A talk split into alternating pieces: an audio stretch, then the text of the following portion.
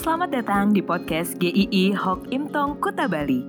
Penginjil Ray Reginaldi akan membagikan renungan harian singkat untuk membawa Anda mengenal dan menyembah Tuhan Yesus, bertumbuh dan menjadi murid Kristus, serta berdampak untuk banyak orang. Jika Anda merasa diberkati melalui renungan ini, silahkan bagikan podcast ini agar orang lain juga diberkati. Inilah renungan hari ini.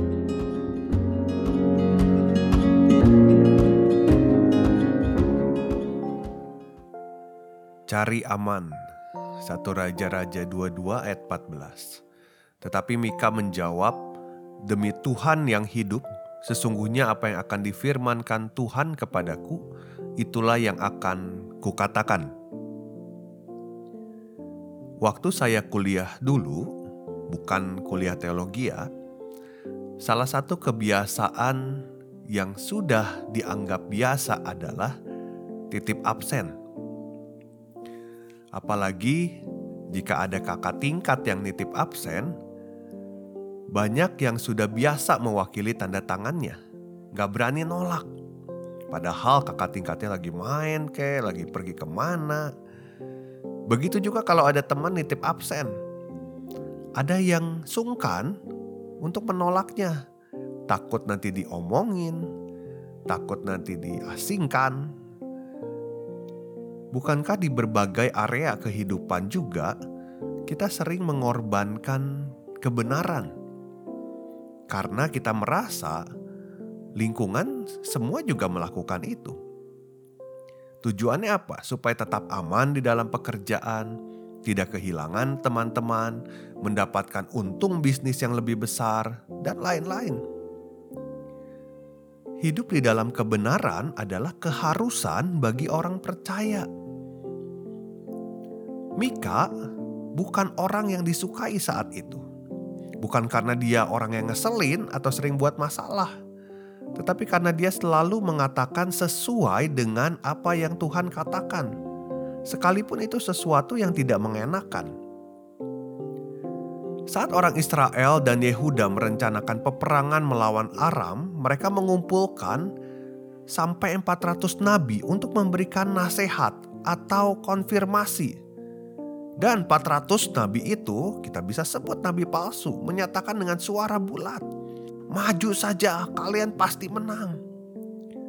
Tetapi salah satu raja tidak puas ingin mendengar Mika. Maka Mika dipanggil.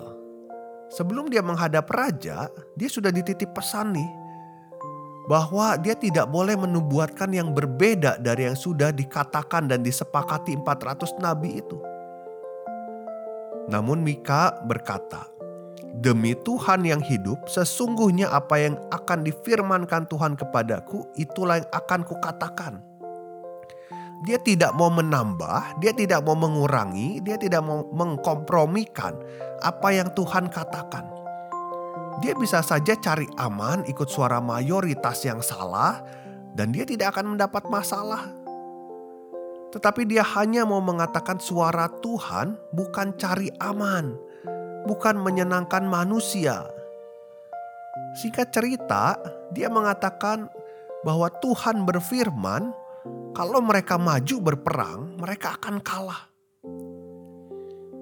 Dengan mengatakan itu, Mika dijebloskan ke dalam penjara. Akhirnya, Israel dan Yehuda menang atau kalah? Pasti kalah. Raja Ahab pun mati.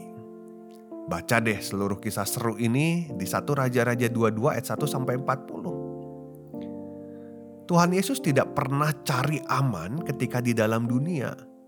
Justru beliau menghadapi bahaya terbesar yaitu menanggung hukuman dosa untuk setiap kita. Supaya kita dibenarkan dan hidup dalam kebenaran Tuhan Yesus mengatakan dialah jalan dan kebenaran dan hidup. Maka orang-orang yang ada di dalam Kristus haruslah berjalan di dalam kebenaran.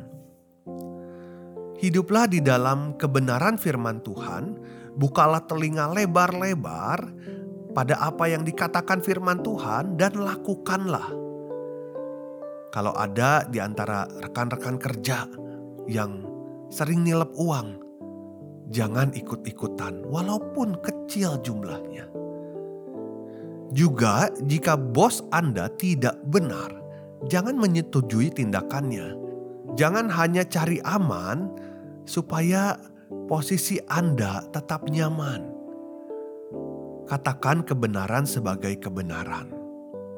Berdirilah di dalam dasar kebenaran firman Tuhan. Kita akan berjumpa dalam episode selanjutnya. Bagaimana kita antusias untuk mengikut Tuhan. Tuhan memberkati.